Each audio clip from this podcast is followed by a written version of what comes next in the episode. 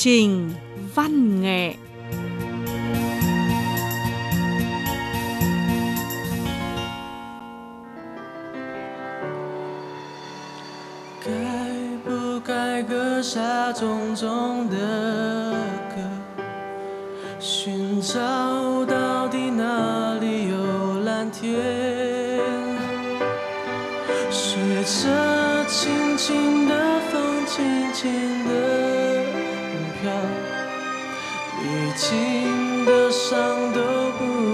绝对。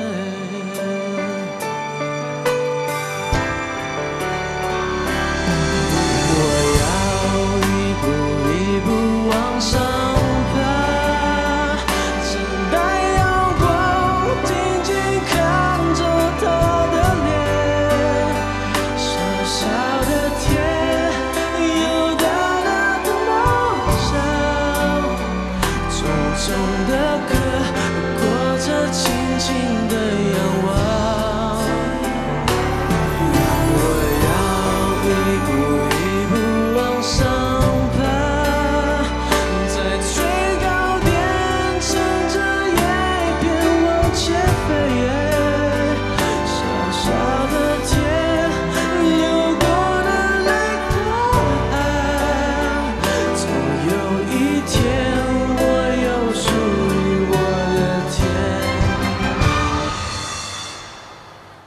Chương trình Văn nghệ cuối tuần xin kính chào quý vị và các bạn, tôi là Hạ Vi.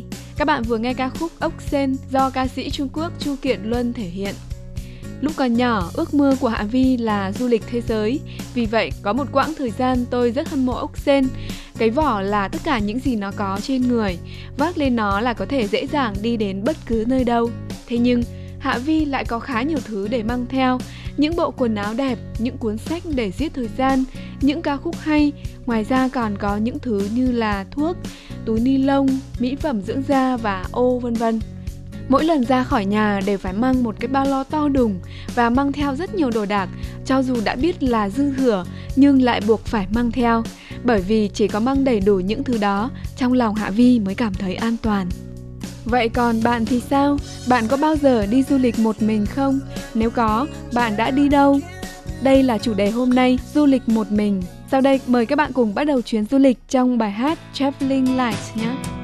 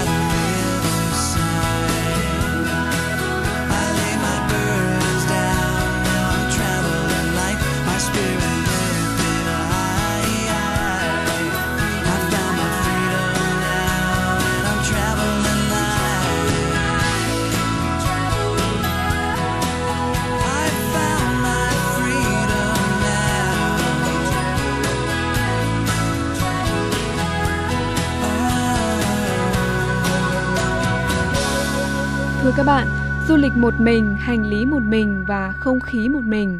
Trong chuyến hành trình đơn giản này, để lại hình bóng của mình khắc sâu trong quãng thời gian dịu dàng đó. Sau đó, tận hưởng tự do mà mình mong đợi và đối thoại với tâm linh.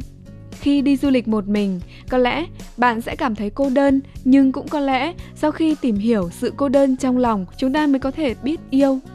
Du lịch một mình là chủ đề của chương trình hôm nay. Chúng ta sẽ cùng mong ước có một kỳ nghỉ trong mùa hè nóng nực này để bắt đầu chuyến du lịch một mình và thưởng thức thế giới đẹp đẽ này. Trong mùa hè nóng nực này, nhiều bạn của Hạ Vi đều đi du lịch phương xa. Họ đều là cô gái nhưng lại đều thích du lịch một mình. Có người đi du lịch các nước Đông Nam Á để cảm nhận phong tục độc đáo của nước ngoài. Có người đã đặt vé máy bay đi Hồng Kông và đi dạo phố bậc thang nơi mà nhiều bộ phim Hồng Kông từng quay. Cũng có bạn đi Vân Nam và gửi bưu thiếp in cảnh đẹp Shangri-La cho Hạ Vi. Thực ra, nếu không có nhiều tiền, bạn cũng không cần đi quá xa mà chỉ đến ngoại thành để ngắm thế giới bên ngoài và cảm nhận cuộc sống đơn giản của người dân nơi đó.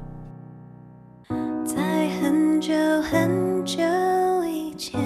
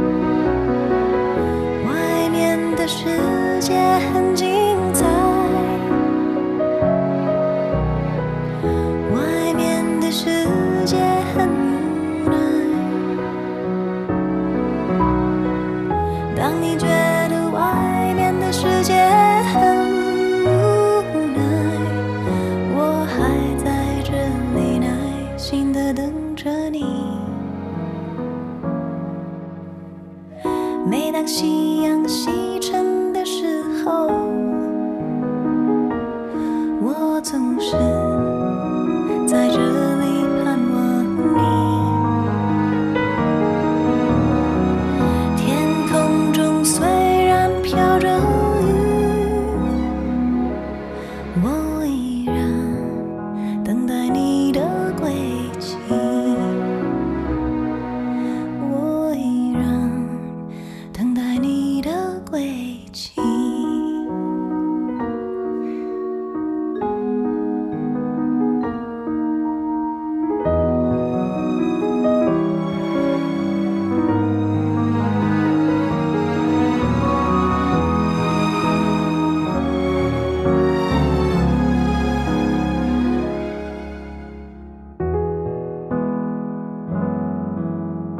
bạn vừa nghe ca khúc Thế giới bên ngoài do ca sĩ Mạc Văn Úy thể hiện. Các bạn thân mến, đi du lịch một mình đến một nơi xa lạ, ngắm nhìn người dân và đường phố nơi đó và cảm nhận cuộc sống khác hẳn để tránh khỏi cái gì đó hoặc tìm kiếm cái gì đó. Đôi khi, thậm chí không vì lý do nào cả, mà chỉ muốn tìm một nơi bình yên để cho tấm lòng được yên tĩnh. Khi còn trẻ, rất nhiều người đều mong ước sống một mình, Hạ Vi cũng thế. Có lẽ giả vờ đội lốt một ca sĩ bên lề đường, mặc bộ quần áo bò cũ rách, ôm chiếc guitar đến cầu vượt hát một mình, để cái hộp giấy ở bên chân, trong đó đầy mấy đồng xu. Các bạn thân mến, nhiều người khi còn non trẻ đều thích đi du lịch một mình vào những đợt nghỉ hè hoặc nghỉ Tết. Lúc đó, chúng ta không sợ hãi gì vì không biết gì về thế giới này. Tuy nhiên, khi trưởng thành, chúng ta lại không dám làm như vậy và khó tin tưởng và thể hiện hết ý mình trước mặt người lạ để bảo vệ bản thân mình. Cũng chính bởi thế, khi trưởng thành, chúng ta rất khó có được mấy người bạn thân, cũng rất hiếm có những dũng khí và tâm trạng đi du lịch một mình.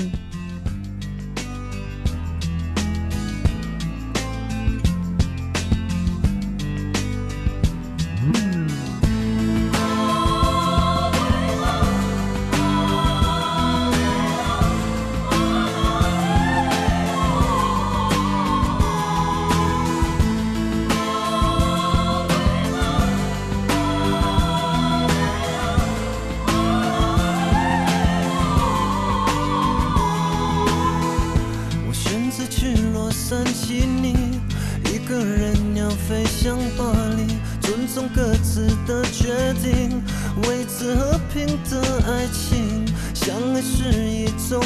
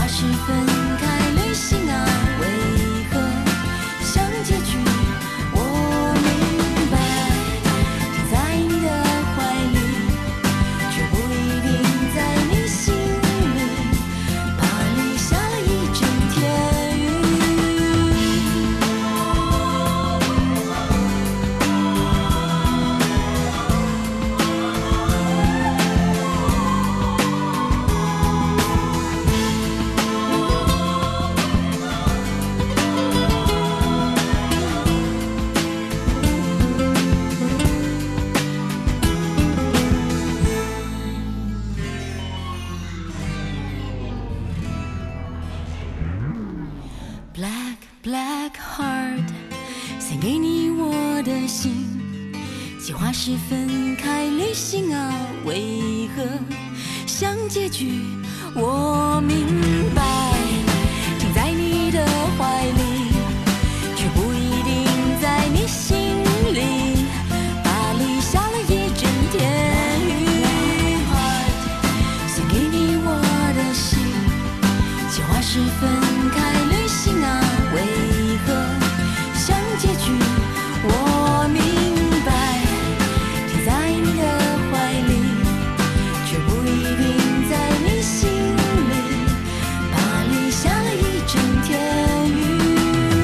休息一下，不需要那么的密集，不必每一秒钟都连在一起。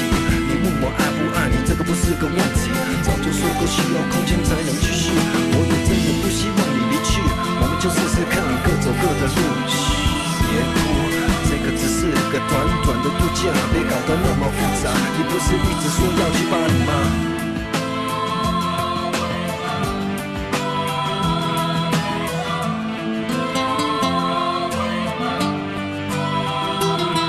Các bạn vừa nghe ca khúc Hành lý một mình qua giọng hát của ca sĩ Đới Bội Ni.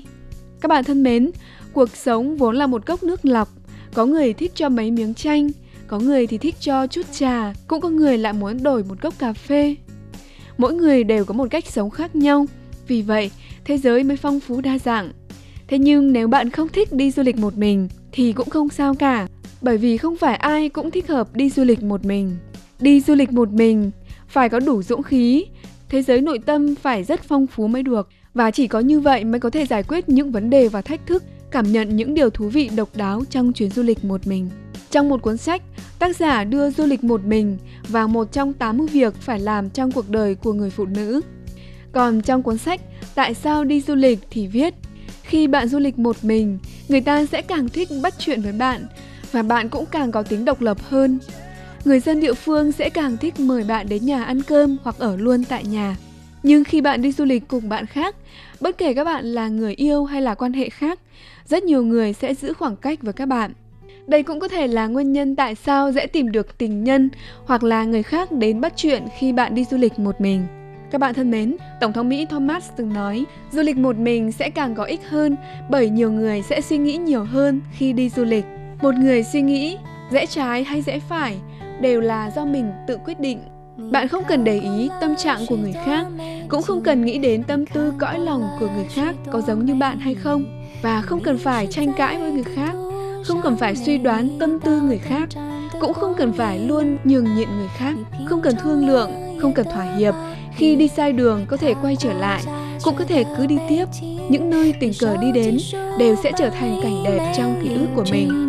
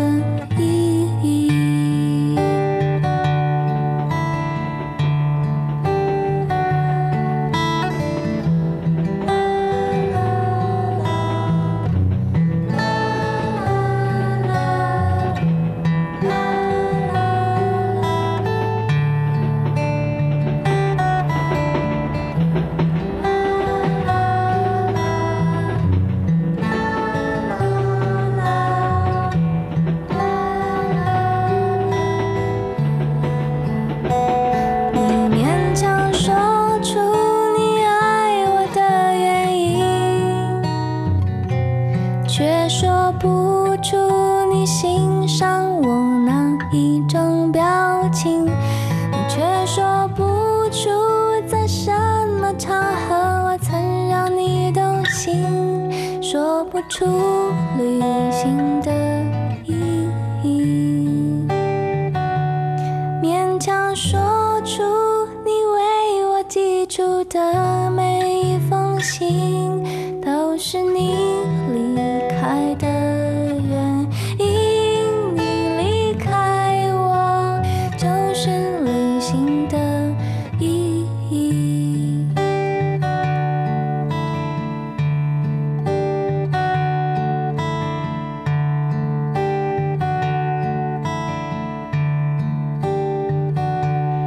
chương trình hôm nay khiến bạn có chút hứng thú với việc đi du lịch một mình, bạn có thể tìm một nơi để bắt đầu hành trình một mình. Bài hát cuối cùng là bài khởi hành qua giọng hát của ca sĩ Phạm Vĩ Kỳ. 每一天都有一些事情将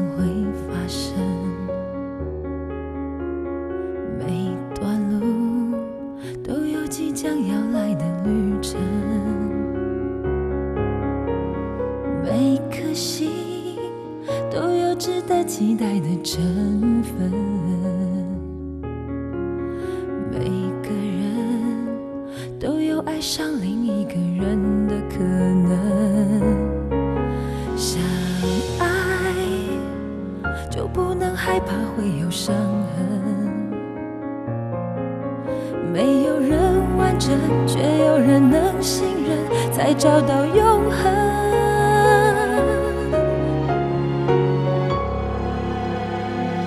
想到达明天，现在就要启程，只有你能带我走向未来的旅程。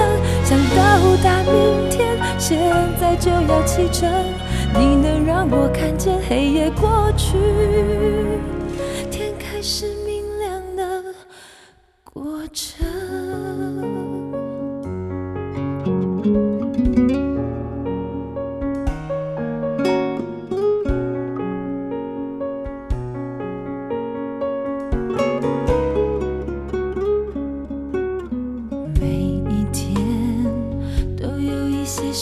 将会发生，每一段路都有即将要来的旅程，每颗心都有值得期待的成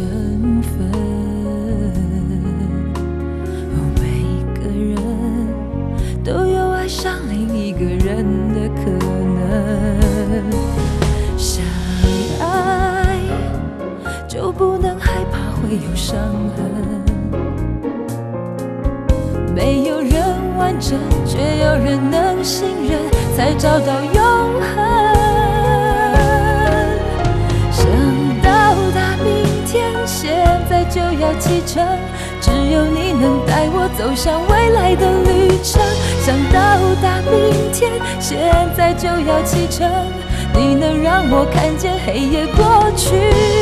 想到达明天，现在就要启程，只有你能带我走向未来的旅程。想到达明天，现在就要启程，你能让我看见黑夜过去，天开始明亮的过程。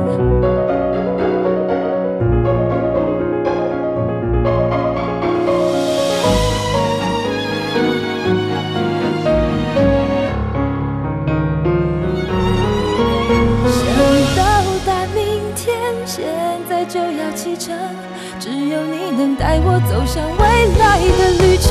想到达明天，现在就要启程，你能让我看见黑夜过去。想到达明天，现在就要启程，只有你能带我走向未来的旅程。想到达明天，现在就要启程。你能让我看见黑夜过去，天开始明亮的过程。 Thưa quý vị và các bạn, chương trình hôm nay xin khép lại tại đây. Cảm ơn các bạn đã quan tâm theo dõi. Xin kính chào tạm biệt và hẹn gặp lại.